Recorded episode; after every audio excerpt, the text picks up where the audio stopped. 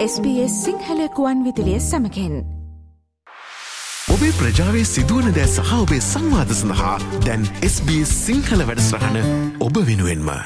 ඉතිහාසය කියල කියන්නේ අතීත මිනිස් ක්‍රියාකාරකම් පිළිබඳව වන හැදෑරීමක්. අපි ඉතිහාසය දිහා ආපව් හැරල බැලුහම අපිට හමුවනවා ඒ ඒ කාලච්චේදවලදී විවිධ ජන ක්‍රියාකාරකම් සංස්කෘතිකාංග එතකට කොයි තරම් සශ්‍රීකවේ ජන සමාජය පැවතුනාද මේ අදී නොයකුත් කරුණු. නමුත් අපිට මේවාට හරි තොරතුරු ලබාගන්න නිශ්චිත මූලාශ්‍රාවශ්‍ය වෙනවා. මේ මූලාශ්‍ර අපිට ලිකිත සාක්ෂි විදියට හොයාගන්න පුළුවන් සාහිත්‍ය ඉතිහාස සාක්ෂි විදියට එසේත් නොමැතිනම් කැනීම් හරහා හොයාගත්ත පුරාවිද්‍යාත්මක සාක්ෂි විදිහටත් අපිට මේවා හොයා ගැනීමේ හැකියාවක් තියෙනවා. ඔබ දන්නවා ශ්‍රී ලංකාවේ කැනීම් කීපයක් හරහා බලංගොඩ හල්දුමුල්ල බෙරගල මේ වගේ නොයකුත් කැනීම් හරහා ශ්‍රී ලංකාවේ මානව විකාසනයේ ජන විකාසනයේ ඉතිහාසය වසර දෙලක්ෂ පනස් දහසකටත් වඩා වැඩි අතීතයකට යනවගට මේ වෙනකොට සාක්ෂි හොයාගෙන තියෙනවා කියලා. මේක ශ්‍රී ලංකාවේ විතරක් නෙමෙයි දක්ුණාසියාතික කලාපේම සුවිශේෂී හොයා ගැනීමක් බවට පත්වෙලා තියෙනවා. මේ ක්‍රියාදාමයට තවත් අලුත් ක්‍රියාදාමයක් එකතුනා මේ මෑතකදි ශ්‍රී ලංකාවේ මීමුරේ ආශ්‍රිතව. මීමුරේ දන්දිනි කුඹර ප්‍රදේශයේ සිදු කරපු නවතම කැනීමකින් අපිට යම් බලාපොරොත්තු ඇතිකර ගැනීම හැකියාවක් තියෙනවා. ශ්‍රී ලංකාවේ මානව විකාසනයේ තවත් අලුත් පැත්තක් අපිට හෙළිදරව් වේවි කියලා. ඉතින් දැන් අපි ඒ සඳහා යම් කාල වෙලාවක් ලබා ගන්නට උත්සාහ කරනවා SBS සිංහල අපගේ සේවය හරහා.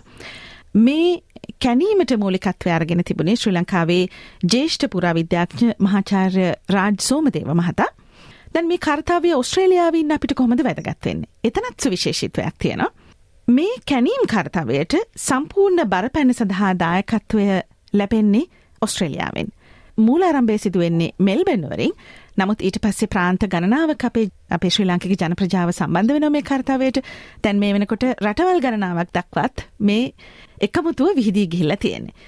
මේක හෙරිටේජ් ෆෝස් ශ්‍රී ලංකා කියන සංවිධානය Eh, මේ හෙරිටේජ් ෆෝස් ශ්‍රී ලංකා කියන මේ සංවිධානය මගින් තමයි ශ්‍රී ලංකාවේ මෑතකති මේ බොහොම මෑතකති නිමාවට පත්වනු නවතම කැනීම මීමුරේ දන්තිනි කුඹරේ සිදුවනේ කැනීම සඳහා සියලු බරපණ දරනු ලැබුවේ. ඉතින් ඔස්ට්‍රේලියාව සිටින අපිටත් මේක සුවිශේෂිත්වයක් දරන.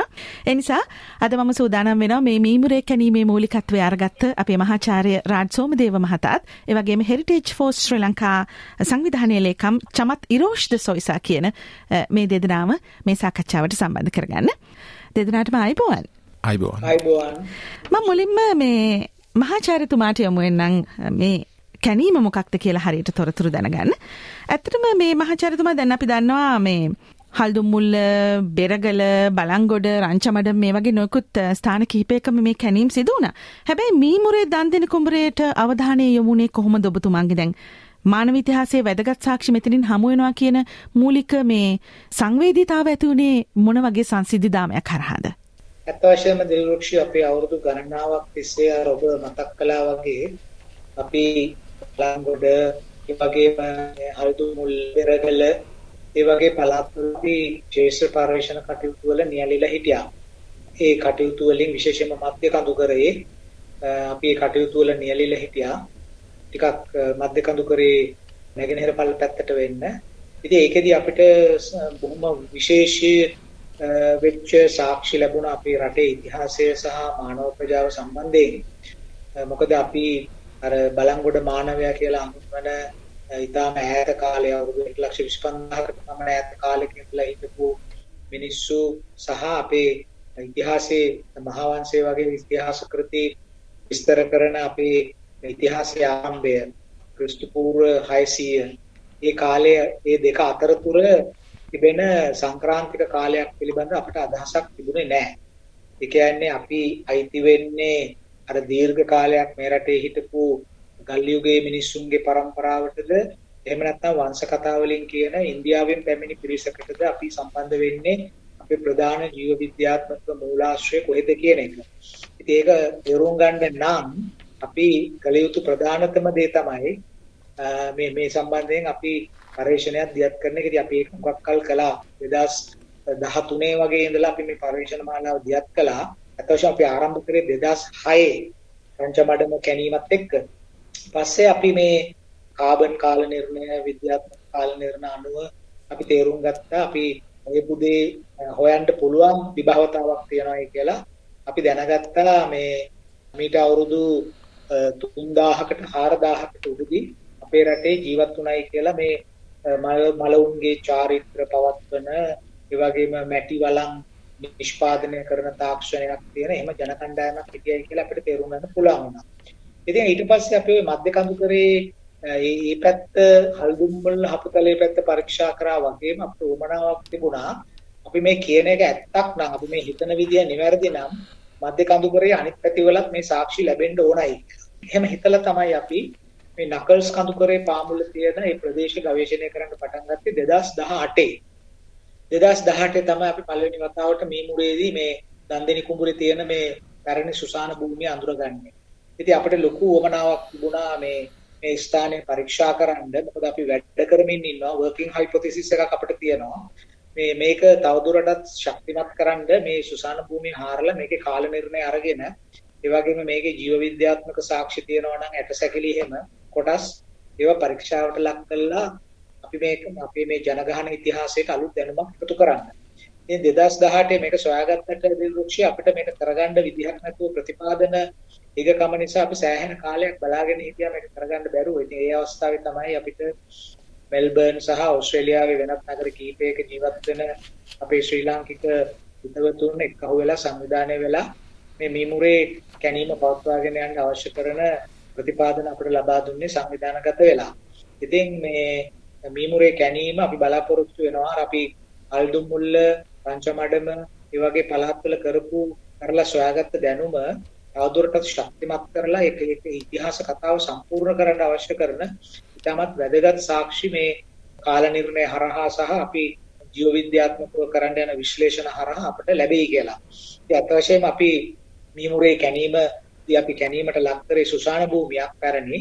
ඉතින් අපි බලාපොරොත්තුනේ මේ එක පැත්තකින් මේ මේ මේ මේ කඳුකර පළාත්වල ජීවත් වෙච්ච මිනිස්සු අපි මේ කලින් සොයාගත්ත අයගේ ජීව විද්‍යාත්මක අනන්‍යතාවන් කොයි වගේද කියන එක පිළිබඳව හරියට සනාථ කරන්නයි ඒ වගේම මේ මිමුරේ අපි සොයාගන්න යන ද්‍රව්‍යවල කාල නිර්ණය අපි හල්දු මුල්ලේ සොයාගත්ත සොයා ගැනීම වල කාලයට සමානයිද කියන කාරණා දෙක තේරුම් ගන්න. අපේ කැණීමේ ප්‍රතිඵල හැටියට දෙකම අපිට සනාථ කරගන්න සාක්ෂි ලැබුණා. ඉතින් අපි දැන් විද්‍යාගාරවලට නියදී යවන්න බලාපොරොත්තු වෙනවා. දැන් මහාචාර්යතුමා අපිට කෙටියෙන් පැහැදිලි කිරීමක් කරන්න පුළුවන්ද මොනවද මේ හමු වුණු සාක්ෂි කොයි විදිහෙන්ද ඒවා හමු වුණේ කියලා? සුසාන ගර්භ අපි විවෘත කරා හතරක්. ඒ හතරෙන් දෙකක් අස්ති ඇටසැකිලි ආදාහනය කරලා තැන්පත් කරපු සුසාන හැටියටයි අපි අඳුරගත්තේ මොකද ඒ ඇතුලේ තිබුණා අඟුරු පිලිස්සී ගිය ද්‍රව්‍ය සැලකිය යුතු ප්‍රමාණයක්. ඊළඟට අපි තව සුසාන ගර්භ දෙකක් විවෘත කරා අපිට ඕමනා වුණා ඇටසැකිලි සොයාගන්න. කියන්නේ මිහිදම් කරපු සිරු සොයාගන්න. ඉතින් ඇටසැකිලි කියලාකින් අපි අදහස් කරේ සම්පූර්ණ ඇටසැකිල්ලක් ගොඩ අරගෙන එහෙම නිකන් අර විස්මිත සොයා ගැනීමක් කරන්න නෙමෙයි අපිට අවශ්‍ය වුණේ මනුෂ්‍ය ශරීරයකට සම්බන්ධ ජෛව විද්‍යාත්මක සාක්ෂි හොයාගන්න. ඉතින් ඒකට එක ඇට කැලක් හරි එක දතක් හරි එහෙම තිබුණත් අපිට ප්‍රමාණවත්. ඉතින් ඇට සැකිල්ලක් තියෙන්න පුළුවන්. වල වැලලීමක් ඇතුලේ ඇට සැකිල්ලක් තියෙන්න පුළුවන්. නමුත් අපි බලාපොරොත්තු වුණේ සම්පූර්ණ ඇට සැකිල්ලක් ගොඩ ගන්න එක නෙමෙයි. එහෙම කරා නම් එහෙම තත්ත්වය තව සංකීර්ණ වෙනවා.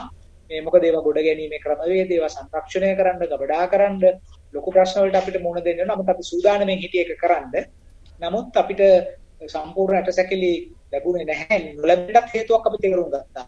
මේ සූදානම්ය කරපු කාලේ ඒගොල්ලෝ මිහිදම් කිරීමක් කරලා පස්සේ අවස්ථාවල මිහිදම් කිරීම ගොඩ අරන් ගොඩ අරගෙන ඇටසැකිලි ආදාහනය කළා කියලා. ඒකත් අපේ පළවෙනි වතාවට ප්‍රායෝගිකව අපිට ඒක ඔප්පු කරන්න අවස්ථාවක් මේ මෙමුරේ කැණීමේදී අපිට ලැබුණා. ඉතින් ඒ නිසා එහෙම ගත්තාම මේ අපිට ලැබිච්ච දේ ගැනයි ඔබ ඇහුවේ මම ඉතින් කෙටියෙන් කියනනම් අපිට මිනිස් ශරීරවල කොටස් හම්බුණා ඉස්කබල් කැබලි දත් මේ ඒවත් ලැබුණා. ඒ වගේම මේ අපිට කාල නිර්ණය කරන්න අවශ්‍ය කරන අනිත් සාක්ෂි වෙන ප්‍රධාන අඟුරු ඒකත් ලැබුණා. මිනිස් දත් ලැබිච්ච නිසා අපිට ඥාන පරිශ්‍රණයකට යන්නත් පුළුවන් කාල නිර්ණයට යන්නත් පුළුවන් හොඳයි අපි එහෙමනම් ශ්‍රී ලංකාවට ගියා දැන් අපේ මහාචාර්ය රාජ් සෝමදේව මහතා හමු වෙන මීමුරේ දන්දෙනි කුමරේ සිදුණු මේ කැණීමෙන් සොයාගත් දේවල් සහ කැණීම සිදු කරන්න මූලික අඩිතාලම වැටුනේ කොහොමද කියලා දැනගන්න. අපි නැවතත් අපි මැදිරියට එනවා මැදිරිය ඉන්නවා හෙරිටේජ් ෆෝස් ශ්‍රී ලංකා මේ සංවිධානයේ ලේකම් චමත් ඉරෝෂ් ද සොයිස. විශේෂයෙන්ම මේක මේ පළවෙනි අවස්ථාව චමත් අපිට දැනගන්නට ලැබෙන්නේ ක්‍රවඩ් ෆන්ඩිං ක්‍රමයට එමත් නැත්නම් ජනතා අරමුදල් ඒකරාශී කිරීමෙන් පුරාවිද්‍යා කැණීම් ව්‍යාපෘතියකට ප්‍රතිපාදන සපයපු විශේෂයෙන් විදේශගත ශ්‍රී ලාංකික ප්‍රජාවක් විසින් සිදු කරන ලද පළවෙනි කාර්තාවය මේක. ඉතින් හෙරිටේජ් ෆෝස් ශ්‍රී ලංකා මේ ආයතනයේ බිහිවුණු හැටි දැනගැනීම ඉතාමත් වැදගත් මොන වගේ අරමුණක් ඇතුවද මේක බිහිවුනේ සහ මේක බිහිවෙන්න අඩිතාලම් වැටෙන්නේ කොහොමද කියලා. බොහොම ස්තුතියි දිල්රුක්ෂි. ඇත්තටම හෙරිටේජ් ෆෝස් අපි කෙටියෙන් කියන්නේ HFSL කියලා.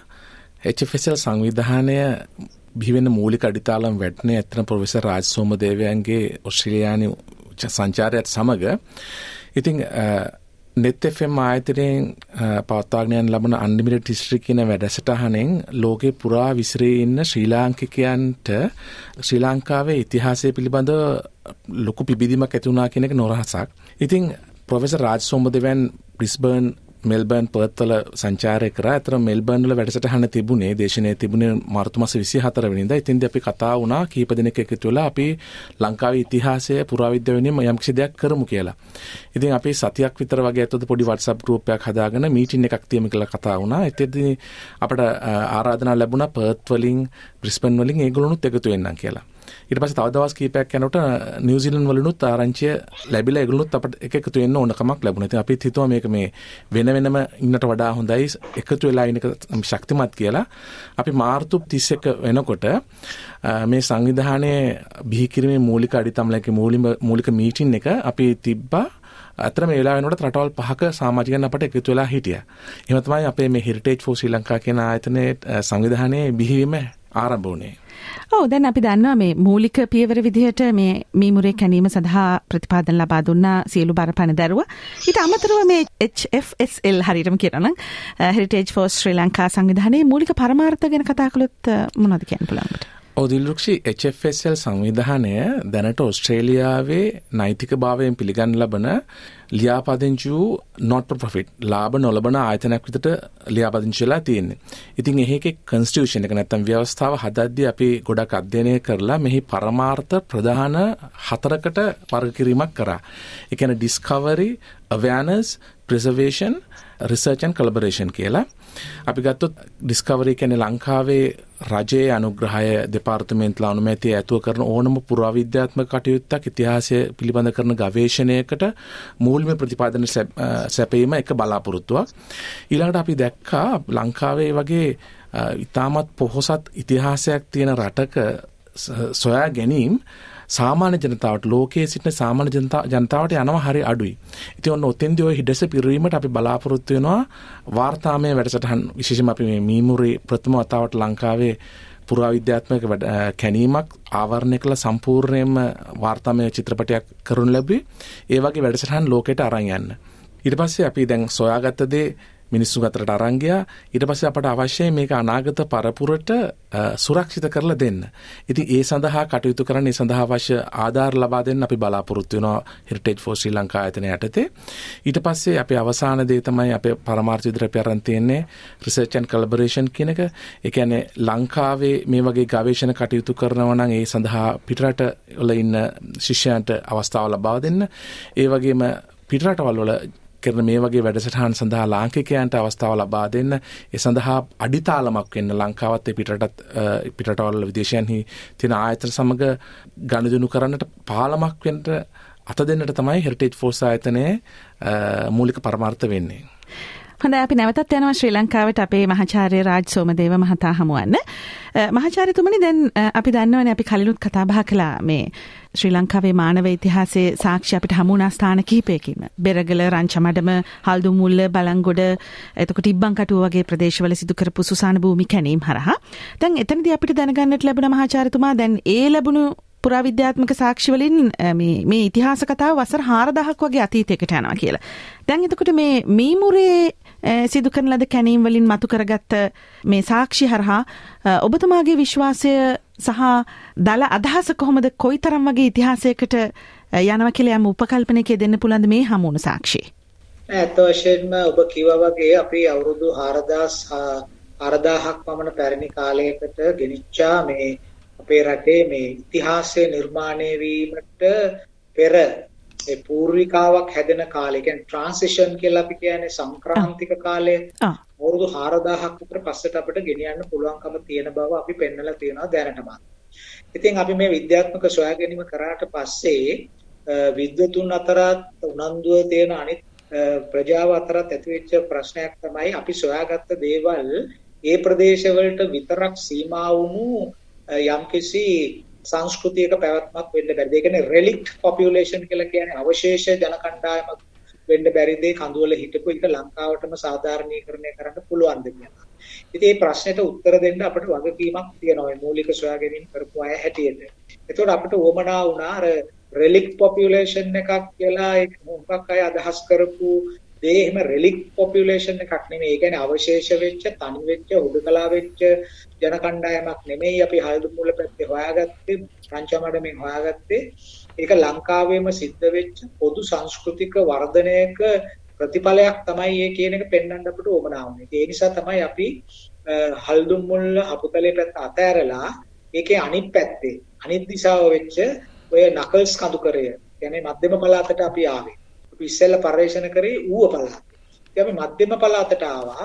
ඇවිල්ලා මේ උඩුදුම්බර මේ නකල්ස් කඳුකරේ පාමුල තියෙන මේ දන්දෙනි කුඹුර කියන ස්ථානය අපි තෝරගත්තේ කණින්. මේ දන්දෙනි කුඹුරේ පිටිපස්සේ, ඒ කියන්නේ ඒකට සීමා වෙලා තියෙන්නේ, පසුබිම් වෙලා තියෙන්නේ කඳු යායක්. ඉතින් මේ කඳු උඩ අපි විශ්වාස කරපු අන්දමටම මේ කඳු උඩ අදත් පුරාණ ගම්මාන තියෙනවා. නන්දිනි කුඹුර කියලා අපි හාරපු තැන ඒකට උඩින් තියනවා ගලමුදුන කියලා ගමක්. ඒක සැහැණ උඩට කන්දර නගින්න ඕන. ගලමුදුන පහු කළා ගියාම තව තියෙනවා උඩගල දෙබුක්කාව කියලා තව ගමක්. ඒකත් තනි වෙච්ච ගමක්. ඉතින් ඊට මීට කලින් තිබිලා තියෙනවා මේ පළාත්වල උඩ තැන්න කියලා තව ගමක්. ඉතින් අපිට පේනවා මේ කඳුකරේ මිනිස්සු උදකලා ගම්වල ජීවත් වෙච්ච එක මෑත කාලයක් වෙනකම්ම අකණ්ඩව පැවතිලා ඇවිල්ලා තියෙනවා.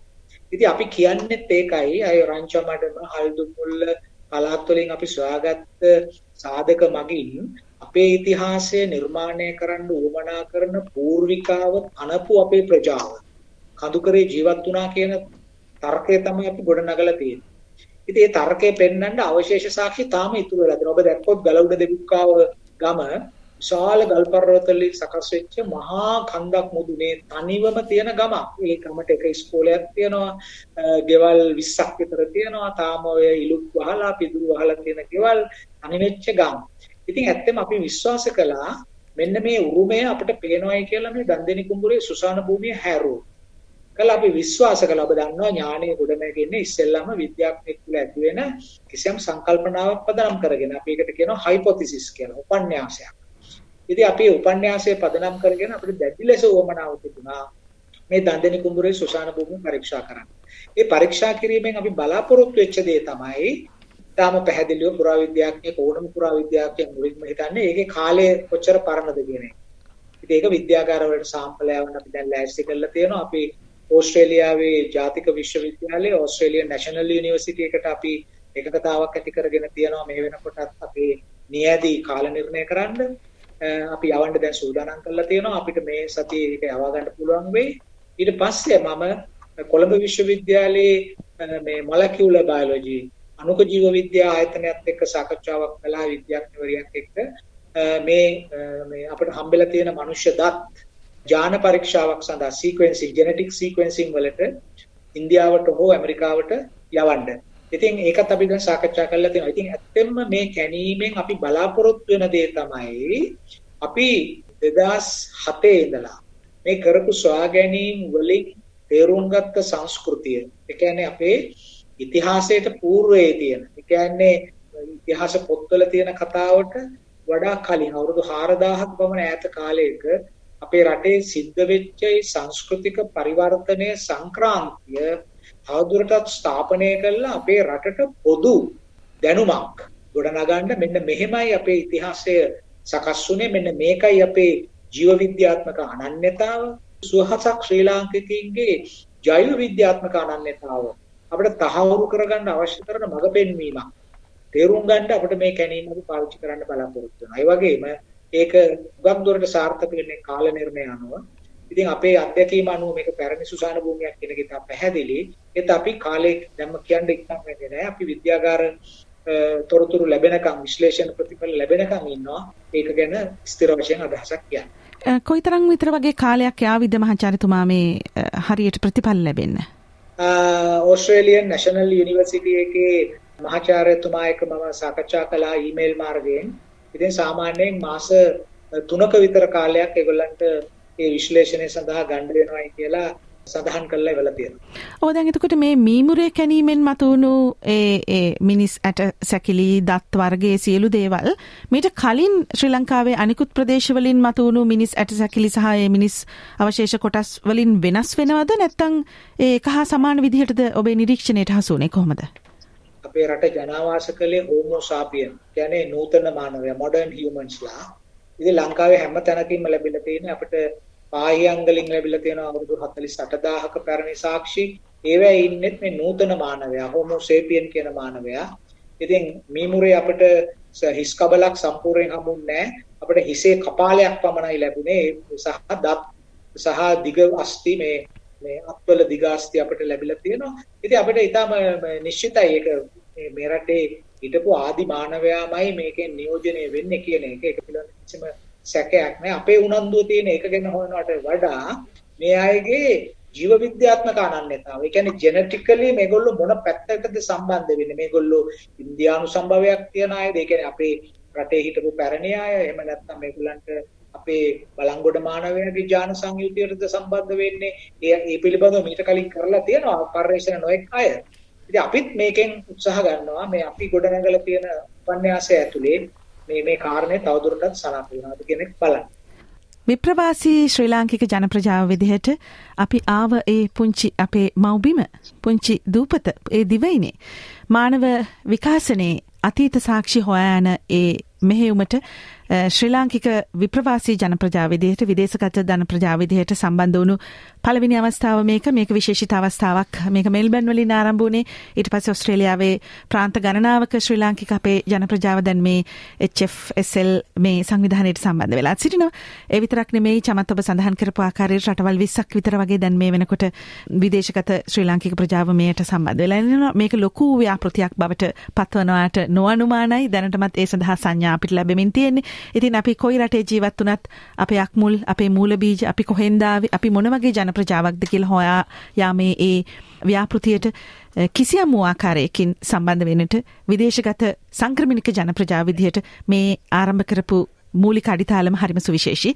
ඉතින් ඒ නිසා SBS සිංහල සේවය ඒ සඳහා යම් අවස්ථාවක් ලබා ගැනීම තමයි අද දවසේදී සිද්ධ වුණේ. අපි ස්තුතිවන්ත වෙනවා ශ්‍රී ලංකාවේ සිට අපිත් එක්ක සම්බන්ධ වුණු මහාචාර්ය රාජ් සෝමදේව මහතාට.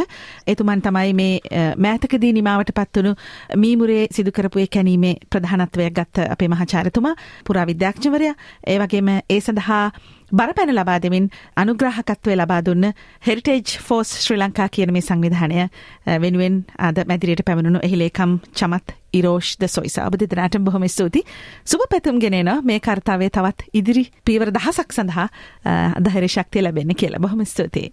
බොම ස්තුති දිල් SBS. SBS. SBS. SBS. SBS. SBS Radio ලයි කරන්න ෂයා කරන්න අදහස් ප්‍රකාශ කරන්න SBS සිංහල ෆස්බුක් පිටුව ෆලෝ කරන්න.